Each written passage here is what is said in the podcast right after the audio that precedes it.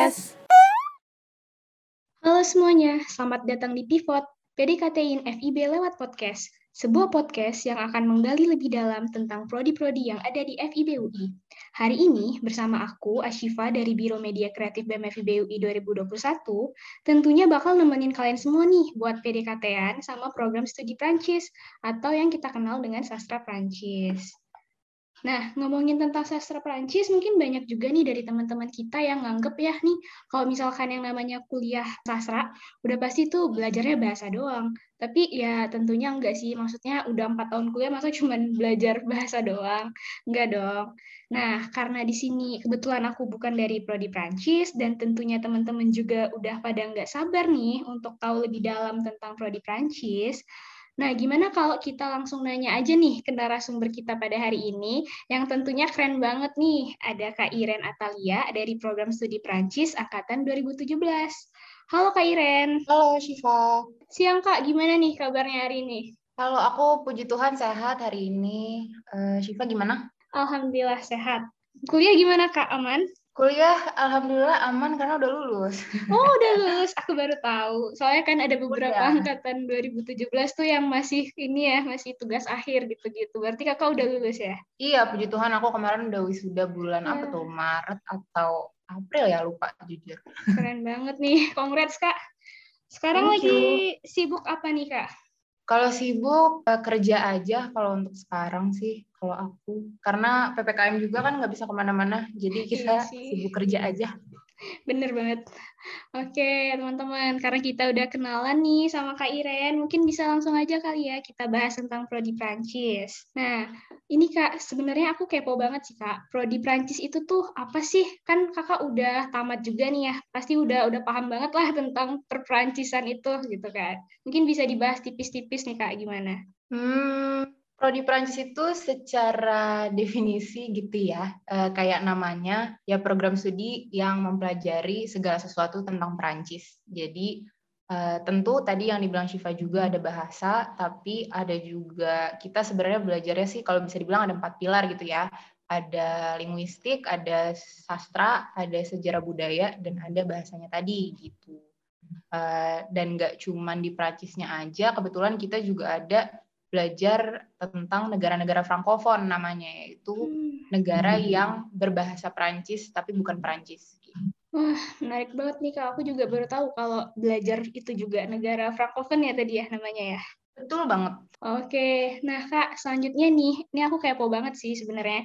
Kenapa nih Kak Iren itu tertarik untuk milih prodi Prancis? Apa gitu kira-kira daya tarik yang bikin Kakak yakin banget nih sampai akhirnya netapin kayak oke okay, fix gue harus masuk Prancis nih gitu. Kalau aku pribadi dulu pas pemilihan jurusan kuliah gitu ya, kebetulan hmm. aku emang belum kebayang banget ke depan tuh mau jadi apa ya kira-kira gitu. Jadi aku setelah diskusi dengan banyak orang sama orang tua gitu, uh, salah satu mikirnya, oh ya udah deh gue pilih jurusan yang gue bakal seneng gitu. Uh, salah satunya tuh bahasa. Kebetulan gue dari dulu emang senang bahasa uh, bahasa Perancis pun juga gitu. Jadi dari SD SMP tuh emang berapa kali uh, lepas-lepas gitu belajar bahasa Perancis walaupun nggak terlalu lama sih bisa dibilang mungkin kayak cuman sebentar berhenti sebentar berhenti gitu. Jadi waktu itu kenapa masuk prodi Perancis itu karena milih bahasa yang dalam tanda kutip masih dicari orang karena mungkin nggak sebanyak itu yang kenal atau fasih bahasanya di Indonesia gitu sih salah satu um, pertimbangannya waktu itu kenapa aku masuk prodi Prancis. Menarik nih kak, berarti kakak masuk Prancis karena nyari bahasa yang belum terlalu banyak dikenal sama orang gitu kan? Betul, apalagi ditambah lagi bahasanya bahasa Prancis itu salah satu bahasa pengantar PBB, jadi sebenarnya bahasa yang besar banget tapi di Indonesia belum terlalu banyak kayaknya yang fasih gitu. Iya sih, benar banget Kak. Aku jarang juga sih. Rata-rata kan orang pengennya bahasa Korea gitu ya, sastra Inggris. Iya, lagi ngetren ya sekarang Korea. Iya, lagi ngetren gitu. Oke Kak, nah itu kan tadi uh, alasan Kakak kenapa tertarik masuk Prodi Prancis nih.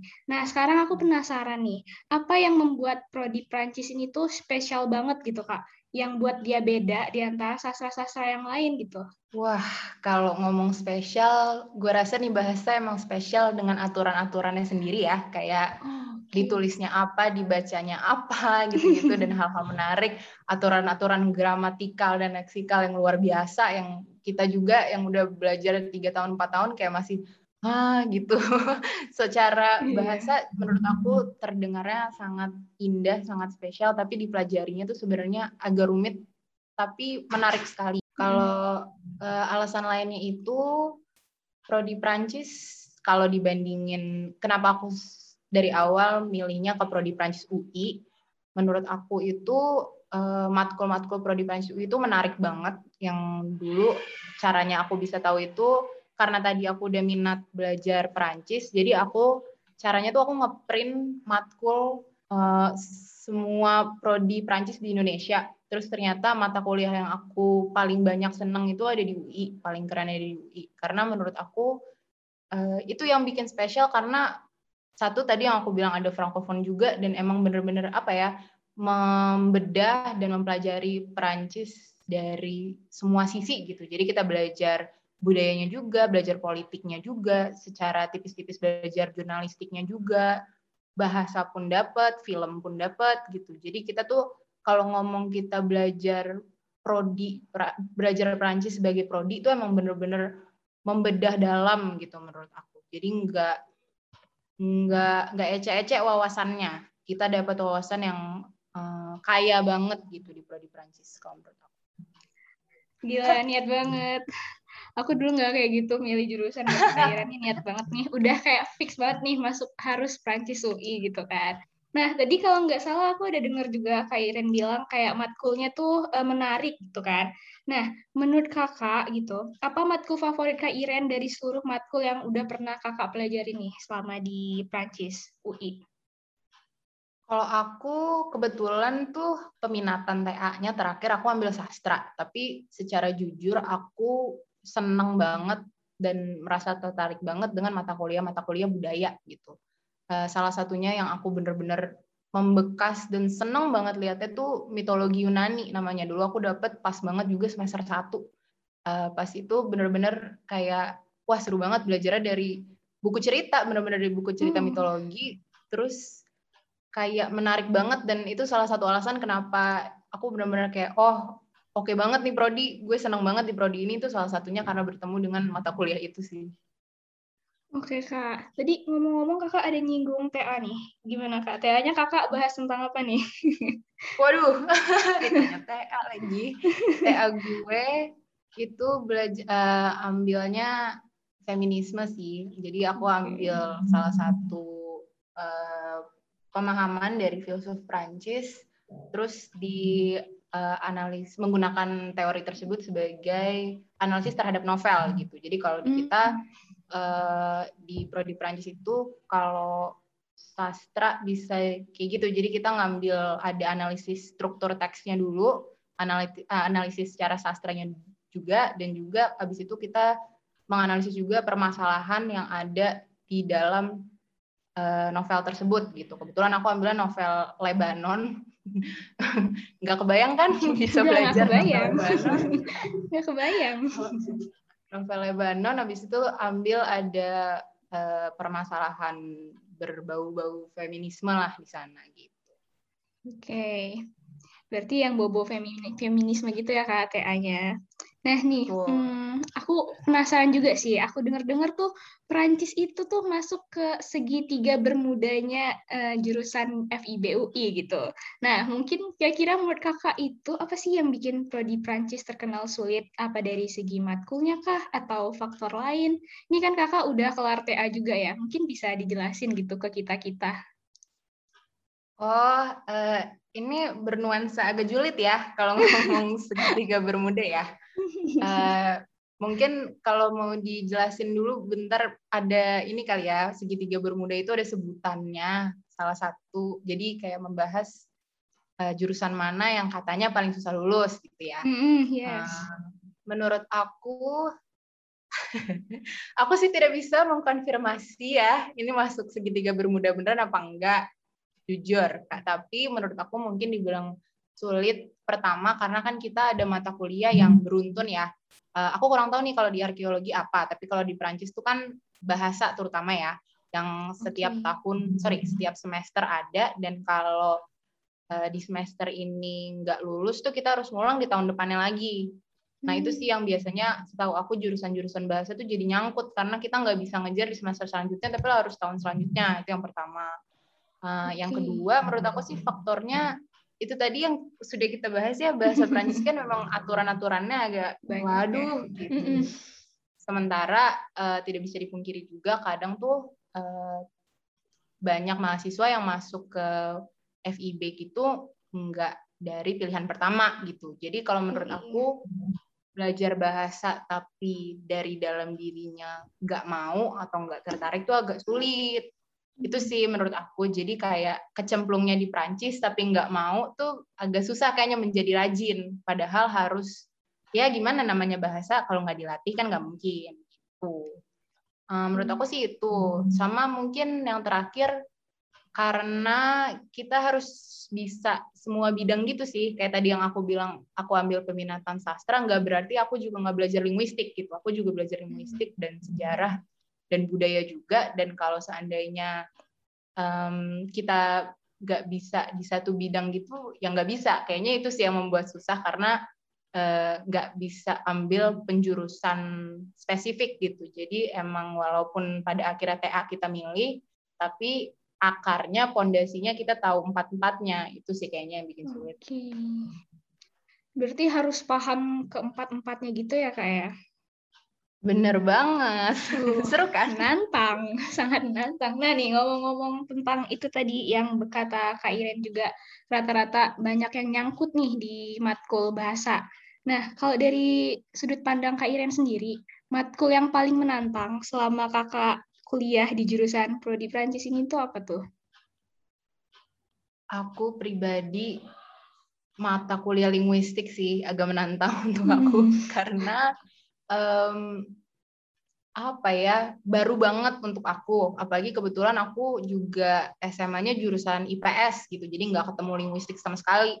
Dan uh, walaupun menarik sih kalau dilihat secara uh, general gitu ya sebenarnya mata kuliah linguistik tuh menarik banget tapi giliran ditesin tuh kan harus hafal ini semua harus hafal apa semua dan teorinya gimana. Jadi sebelum kita menganalisis pun yang mungkin uh, udah lebih terbiasa gitu ya namanya menganalisis. Tapi kalau dari teorinya tuh menurut aku linguistik sulit gitu. Jadi menurut aku menantang banget sih waktu dapat dapat mata kuliah linguistik.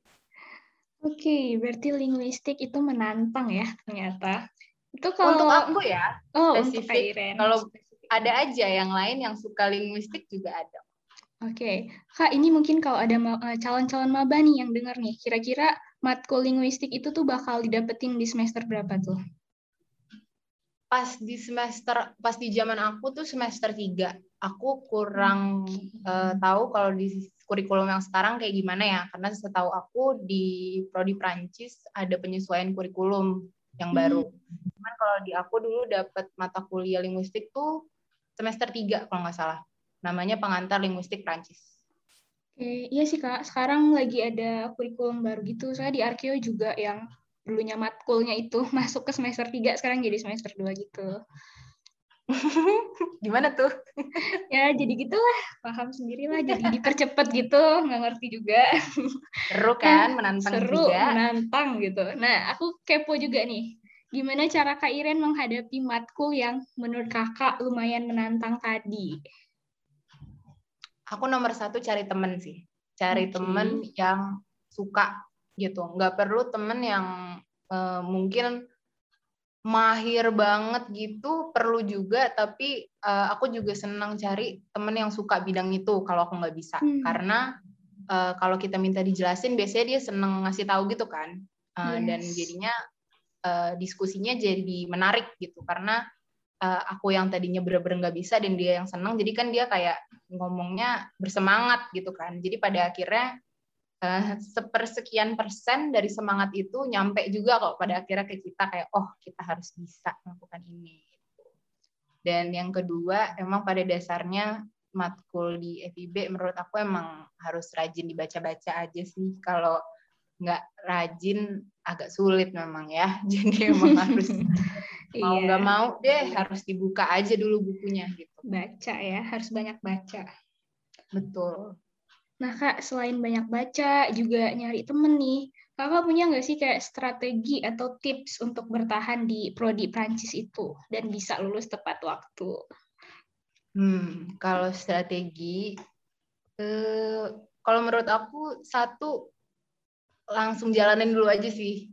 Kayak dulu. jangan terlalu banyak tanya ke banyak orang yang banyak banget gitu. Karena kadang kalau aku dapet tuh pas awal-awal semester, aku karena takut kayak, aduh ini belajar apa ya, jadi terlalu banyak nanya ke orang, jatuhnya malah kita partner sendiri kalau dari aku. Iya sih, bener-bener. karena nanya ke orang juga kan beda-beda. Kayak misalnya kita tanya tentang eh, matkul ini, tentang dosen ini, terus ke orang lain ternyata menakutkan banget, tapi ternyata ke kita pas kita udah jalanin, oh ternyata gue malah lebih bisa di bidang ini dari di bidang yang lain gitu. Kalau menurut aku dengan menjalani langsung tuh kita jadi bisa nakar sendiri gitu. Kayak oh eh, ternyata besar effort yang harus gue keluarkan di matkul ini sekian persen. Ternyata yang di lain oh ternyata gue nggak harus terlalu effort juga udah bisa gitu nah itu sih eh, nakar-nakar sendiri itu yang harus berani banget kita jalankan jadi melihat tantangan tuh harus kita terjang aja dulu kita Iya. jalankan dulu siapa tahu suka kalau nggak suka nggak apa-apa kita jalanin terus sampai habis gitu sih Oke. Berarti intinya jalanin dulu aja gitu. Jangan terlalu mikirin omongan kiri kanan. betul banget itu udah nomor satu deh tips di FIB harus begitu Oke Kak, karena kita udah banyak banget nih ngomongin prodi Prancis dari segi matkul gitu-gitu. Sekarang aku mau nanyain dari segi kehidupan mahasiswanya nih. Nah, menurut Kakak apa sih kayak kebiasaan mahasiswa Prancis mungkin yang melekat banget gitu dari lingkungan pertemanannya mungkin, terus kayak gimana sih gambaran kehidupan sehari-hari? Hmm, kalau kebiasaan mahasiswa Prancis sih eh, mengerjakan tugas bersama ya kebetulan.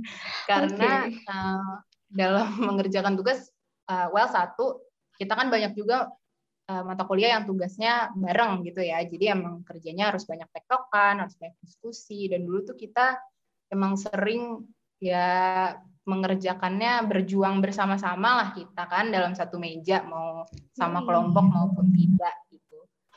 Dan yang aku rasain di Perancis terutama lama kelamaan ya udah masuk semester semester agak susah Hmm. gitu mungkin semester semester 6 tuh semua orang mau bantuin semua orang sih. Jadi kayak Oke. kalau udah nggak jarang lihat friend group yang tertutup banget tuh udah jarang banget. Karena pada akhirnya ya kita tahu susah bareng kita tahu eh, bidang-bidang ini menantang juga. Jadi kalau emang kita bisa saling bantu tuh saling bantunya kerasa banget gitu terus paling kalau di luar itu paling yang dikang- dibiasakan apa ya?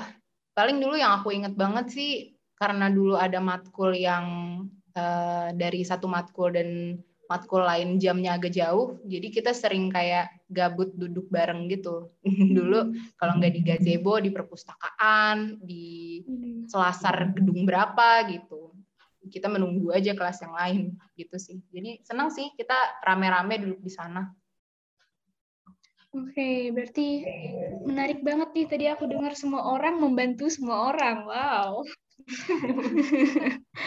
oh iya kak, anyway kakak pernah ini nggak sih dapat jatah yang kuliah online kayak kita gitu nggak sih? Dapat dapat aku dapat Oh, dari semester 6 sampai semester 7 jadi semester 6 tengah-tengah sampai semester 7 full tuh aku online. Wow, lumayan capek juga ya. lumayan. Selama kita COVID gini kan kita jadi susah ketemu gitu ya. Biasanya kayak ngumpul, tadi kakak bilang kalau nggak salah di gazebo gitu-gitu. Ada nggak sih kak rutinitas yang kakak kangen kangen banget gitu sama kebiasaannya yang nggak bisa lagi dilakuin semenjak kita kuliah online nih? itu sih ngerumpi dan mengerjakan tugas bareng-bareng di HMJ tuh gue kangen banget sejujurnya karena eh, pas di semester 6 tuh pas banget kalau di prodi Prancis di kurikulum gue gitu kayak matkulnya lagi agak berat gitu bisa dibilang ya. Jadi pas dulu semester 6 merasakan sensasi kayak kita keluar kelas takut bareng-bareng duduk bareng-bareng makan bareng-bareng tuh menyenangkan banget buat gue karena gue merasa oh uh, gue ada temennya loh merasakan ini gitu. Pada akhirnya kita berjuang bersama-sama gitu. Sama paling kegiatan-kegiatan yang tidak bisa digantikan secara online sih kayak dukung futsal waktu Olimbut gitu oh, atau iya. kayak bener, atau kayak uh, apa ya uh, acara jurusan kalau yang di gue namanya Festifrance tuh kayak hmm. mana kalau di Festifrance kan yang ditonjolin banget acaranya Defile de Mode namanya uh, pagelaran busana gitu kayak agak susah banget kan kita membuat online jadi uh, hype-nya secara serunya kita mempersiapkan bareng-bareng tuh uh, kangen banget sih sama anak-anak Perancis. Iya sih kak, susah ya walaupun online kayak gini, tapi nggak apa-apa lah, kita syukurin aja. Hmm. Betul banget, kita harus melihat sisi baik dari semua hal. Yoi. Nah kak, ini ada pertanyaan lagi nih. Selama ini tuh kakak pernah nggak sih kayak dengerin pandangan-pandangan dari orang tentang prodi Prancis, tapi sebenarnya itu salah gitu. Ada nggak sih yang kayak kayak gitu? Ada banget menurut gue. Uh, Pas baru awal-awal masuk tuh banyak yang ngomong ke aku kebetulan karena aku juga dulu BEM dan berkenalan dengan jurusan-jurusan lain. Um, banyak yang bilang prodi Prancis katanya sombong gitu atau ansos uh. dalam arti kayak nggak mau temenan sama jurusan lain di luar Prancis itu salah sih menurut gue hmm. karena Enggak juga, apalagi di angkatan gue dan angkatan yang deket-deket gue dalam arti kayak 16, 18, 19 yang kita masih lihat di kampus tuh enggak banget kok orang warawiri ke mana-mana ikut iya sih, ikut kepanitiaan apa, organisasi apa gitu. Mungkin kalau di tahun-tahun sebelumnya mungkin ada ya case by case kayak gitu. Cuman pas sampai di angkatan gue dan orang-orang yang gue kenal sih anak Perancis kayaknya rame-rame dan seru-seru aja gitu. Kalau menurut gue sih. Oke. Terus Kak, gimana tuh Kakak menghadapi pandangan-pandangan yang kayak gitu tuh? Gue waktu itu cuek aja sih, karena dibilang kayak sombong, ya di sisi lain kayak ya bagus dong gue dibilang sombong berarti kan ada sesuatu yang bagus dari prodi kami gitu sampai lo bilang kita sombong gitu kan padahal hmm. mah nggak nggak juga gitu kan biasa aja cuman ya cuek aja soalnya pada akhirnya uh, teman-teman Perancis juga kelihatan gitu semuanya pada ikut rame-rame ikut BEM, rame-rame ikut jadi panitia sama BIM, rame-rame ikut apa gitu. Jadi pada akhirnya kita nunjukin sendiri juga sih kayak emang ada ada kok kontribusi ya, kontribusi kita dalam acara-acara ini gitu. Terus soalnya kayak dan kalau kita terlalu banyak mendengarkan terus udah begitu juga masih dibilang sombong ya cuek aja mau gimana lagi kan ya udah iya. terserah deh gitu kan benar banget benar-benar Nah, mungkin ini nih uh, agak melenceng dikit nih ya dari kehidupan mahasiswa. Sekarang kita uh, beralih ke kehidupan semester akhir nih, karena Kak Iren juga baru-baru aja tamat nih. Aku kepo ini sih Kak, apakah sebenarnya prodi Prancis itu tuh mengharuskan magang? Kalau iya, itu kebanyakan di semester berapa? Di semester berapa udah boleh mulai magang? Terus gimana sih biasanya? Kalau magang sih setahu aku sampai sekarang belum ada wajib magang ya Oh, uh, lagi-lagi aku kurang tahu kalau di kurikulum baru. Yes, uh, tapi kalau sam sampai yang aku uh, bersama kurikulum aku gitu ya. Kalau aku nggak salah 19 juga masih ikut yang kemarin ya, belum yang baru ya? Iya, masih yang kemarin kok gitu. Nah, kalau yang masih yang kemarin tuh setahu aku nggak ada sih kita wajib magang. Uh, hmm. Tapi kalau dari yang aku lihat dari teman-teman aku, ada-ada aja yang mau magang termasuk aku. Aku itu dulu uh, magang semester empat ke lima hmm, kalau nggak salah mulai magang deh. Jadi uh, tapi itu nggak semuanya bisa keambil jadi SKS gitu. Jadi kalau hmm. kita emang mau magang sebagai mahasiswa prodi Prancis yaitu magang yang kita jalankan dan daftarkan sendiri aja gitu sih. Kalau kapannya tadi aku uh, semester 4 ke semester 5 ada juga teman-teman yang selagi kuliah sambil magang kalau seandainya kerjaannya bisa diambil remote atau part time gitu uh, dari semester semester segitu juga. Ada juga yang emang pengen fokus uh, kuliah dulu jadi baru mulai magang semester 7 sebagai matkul pilihan gitu ya matkul bebas gitu juga bisa. Jadi uh, lihat-lihat SKS dan lihat-lihat uh, bisa dapat di mana aja sih kalau di dari prodi aku tuh kalau dari kemarin-kemarin aku lihat. Kalau di mananya lagi-lagi beda-beda ya, termasuk mm-hmm. minat masing-masing. Ada yang emang senangnya nulis, ya coba dulu nulis. Ada yang um, di agency-agency kreatif pun bisa. Ada yang berapa kali ketemu aku teman aku yang benar-benar uh, mungkin bisa bilang nggak berkaitan banget dapetnya di produk marketing atau produk managing hmm. gitu juga bisa gitu-gitu sih lumayan beragam ya kalau dari aku bisa lihat jadi nggak eh, nggak stuck atau nggak pakem bidangnya tergantung orangnya masing-masing kalau menurut aku. Fleksibel banget ya kak berarti bisa di mana aja. Iya benar sih fleksibel banget. Jadi emang berani-beranian aja, cuek-cuekan aja, daftar dulu, daftar dulu, ntar tiba-tiba keterima kan nggak ada yang tahu ya namanya iya, rezeki. Itu kalau dari dosen sendiri ada larangan gitu nggak sih kak? Misalkan kayak nggak boleh di uh, desain atau kayak magang yang kurang relate gitu? Hmm, enggak sih, aku kebetulan biasanya dosen-dosen memang menjerumuskan kita ke bidang mana pun yang kita senangi gitu sih. Hmm. Cuman tentu dalam batasan uh, perkuliahan tidak terganggu ya. Maksudnya yes. tiba-tiba IP jadi turun dan menjorok juga kan nggak lucu gitu. Jadi hmm. biasanya sih dosen kita selama nilai oke-oke aja dan selama kita kalau di kelas tiba-tiba dor ditanya gitu bisa dosen kita tenang-tenang aja sih biasanya. Oke, berarti bisa disimpulin kayak nggak ada batasan sih sebenarnya. Nggak sama sekali sih. Oke kak, biasanya biasanya nih ya kalau misalkan kita udah magang tuh kan uh, identik dengan kata-kata nggak lama lagi lulus tuh. Nah, uh, buat prospek kerja dari prodi Prancis ini tuh gimana sih kak? Apalagi kan sekarang banyak tuh calon-calon maba tuh bingung milih prodi ini mungkin karena dia sebenarnya kurang tahu aja prospek kerjanya gimana. Nah kira-kira lulusan Prancis ini tuh kerja di mana aja gitu kak setelah lulus biasanya? Aduh, kalau ditanya di mana tuh bener-bener di mana-mana. Kalau dibilang bisa hmm. dibilang kayak banyak tuh bener-bener banyak dan menjamur gitu. Tapi kalau bisa kita simpulin atau contoh-contoh yang bisa aku bilang tentu ada yang sesuai dengan jurusan ya kayak hmm. nulis, translator, uh, interpreter gitu-gitu itu tentu ada. Uh, ada juga yang misalnya jadi sosial media atau um, salah satu hal di dalamnya gitu ya misalnya kayak jadi desainnya atau jadi tim kreatifnya, copywriternya gitu-gitu tuh ada banget dan bisa ditemukan. Ada juga kalau emang mau ambil jalur tetap berada di jalur pemerintahan kayak misalnya di kementerian atau di kedutaan apa itu pun juga ada.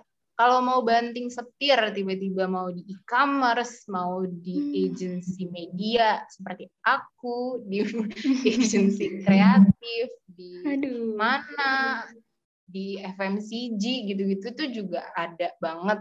Mungkin kalau sekarang lebih gampang kan sekarang lihatnya di LinkedIn gitu kan. Kalau kita lihat anak-anak lulusan jurusan Perancis tuh bener-bener ada di mana-mana sih menurut aku. Jadi uh, kalau emang takut nggak dapet kerjaan misalnya atau hmm. takut uh, bidang pekerjaannya terbatas tuh menurut aku enggak sih tergantung orangnya banget berani-berani aja cari pengalaman di mana berani nanya siapa boleh nggak magang di sini coba dulu gitu-gitu tuh emang harus diberaniin dan percaya kalau bisa karena emang udah udah banyak banget yang buktiin kalau emang bisa banting setir bisa menjadi ahli di bidang jurusan pun bisa gitu jadi ke mana aja menurut aku bisa asal berani gitu sih. Oke, tadi kalau nggak salah aku dengar Kak Iren kerja di e-commerce ya Kak? Aku di media agency sih sekarang. Oh, media agency. Oke. Okay. Mm -hmm. Tuh guys, buat teman-teman calon maba, ternyata prospek kerjanya tuh luas loh. Bisa banget tuh dibilang ke mama papa, nggak usah takut lagi deh kalau aku masuk prodi Prancis gitu ya kak ya. Benar, karena beneran di mana-mana deh, jangan takut. Oke, mungkin ini pertanyaan terakhir sih kak. Ada nggak pesan yang pengen kakak sampaikan ke calon-calon maba nih yang masih bingung dan labil banget kayak, bener nggak sih ini gue milih Prancis gitu? Hmm, jangan lama-lama bimbangnya. Nggak apa-apa diambil aja keputusannya. Kalau emang ngelihat mata kuliahnya ngelihat uh, bidangnya uh, bidang pondasi-pondasi hal-hal yang kita pelajari prodi Prancis gitu suka nggak apa-apa coba aja ambil. Karena menurut aku hal-hal yang aku pelajari di Prancis tuh jauh lebih luas dari yang dilihat dari tulisan gitu. Jadi kayak banyak banget yang kita uh, dapetin dari secara wawasan dari secara uh, cara pikir juga cara bertindak cara menjadi orang yang lebih baik gitu gitu tuh banyak banget. Jadi menurut aku kalau memang mau ambil Perancis diniatkan saja jangan setengah-setengah. Karena kalau emang takut juga eh, nggak uh, bisa ke mana nanti kerjanya nggak banget sama sekali. Berani aja jadi siapa pun yang kamu mau. Menurut aku gitu sih. Nah oke jadi gitu guys jadi semoga pesan yang disampaikan Kak Iren tadi ada manfaatnya buat kita semua ya. Jangan galau-galau lagi. Udah bisa ditentuin nih dari sekarang. Diyakinin semoga tetepin hatinya bener-bener mau masuk prodi Prancis nih. Nah, karena nggak kerasa juga kita udah lama banget nih ngobrol bareng Kak Iren sampai lupa waktu nih. Nah, jadi mungkin lain kali bisa kita lanjutin kali ya Kak buat ngobrolnya. Boleh, silakan. Nah, semoga nih teman-teman uh, dari percakapan kita tadi bisa nambah wawasan banget nih tentang prodi Prancis. Nah, semoga juga bisa membantu kalian. Karena waktunya terbatas, padahal banyak banget yang pengen aku tanyain ke Kak Iren. Ya udah deh, kita akhiri aja podcast pada hari ini. Aku mau ucapin thank you banget nih Kak buat udah uh, datang ke acara kita, ke podcast kita, udah mau nyempatin waktunya di tengah kesibukan Kakak. Semoga segala urusan Kakak lancar ya. Amin. Makasih ya Medcre BMFIB. Semangat terus. Oke. Okay. Sampai jumpa Kak. Kapan-kapan kita bisa bikin podcast bareng lagi deh. Pokoknya kita kepoin lagi Prancis sampai ke dalam-dalamnya. Oke, amin. Kita tinggal tunggu calling-callingan aja. Deh.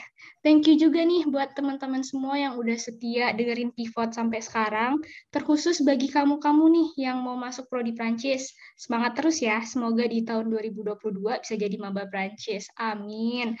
Gak lupa juga nih aku mau ingetin kalian untuk follow dan dengerin Spotify Pivot karena masih banyak banget nih program studi yang bakal kita PDKT-in dan kita kupas tuntas seperti Prodi Prancis pada hari ini. Nah, jangan lupa juga nih untuk di-follow lini masa kami at BEMIFBUI di Instagram dan Twitter. Pokoknya pantangin terus deh supaya kalian gak ketinggalan karena bakal ada kuis berhadiah nih di setiap episodenya. Nah, kalau jawaban kalian benar bisa dapat hadiah uang tunai loh. Kapan lagi kan cuma dengerin podcast bisa dapat uang gitu. Oke deh kalau gitu aku Ashifa pamit undur diri. Mohon maaf kalau ada ucapan yang kurang berkenan bagi kalian. Kalau ada sumur geladang boleh kita menumpang mandi. Kalau ada umur panjang boleh kita berjumpa lagi. Sampai jumpa di episode pivot selanjutnya ya. Dadah.